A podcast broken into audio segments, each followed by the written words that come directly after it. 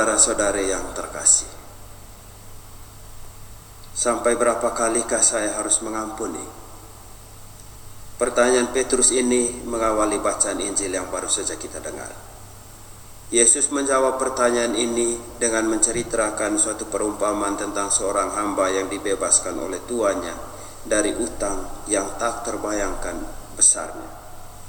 Tetapi ia sendiri tidak mau dan tidak bersedia membebaskan sesama hambanya yang memiliki hutang kepadanya yang terbilang sangat kecil dan sedikit.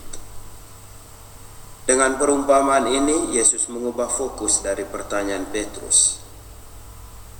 Tidak lagi menjadi penting berapa kali kita mengampuni, entah tujuh kali atau tujuh puluh kali tujuh kali, semuanya tidak penting. Dengan perumpamaan ini, Yesus mau menegaskan bahwa jika kita mengampuni dan memaafkan orang yang lain yang bersalah kepada kita dan berhutang kepada kita, itu sangatlah kecil dan sangat kurang jika dibandingkan dengan pengampunan yang dihadiahkan Allah kepada kita.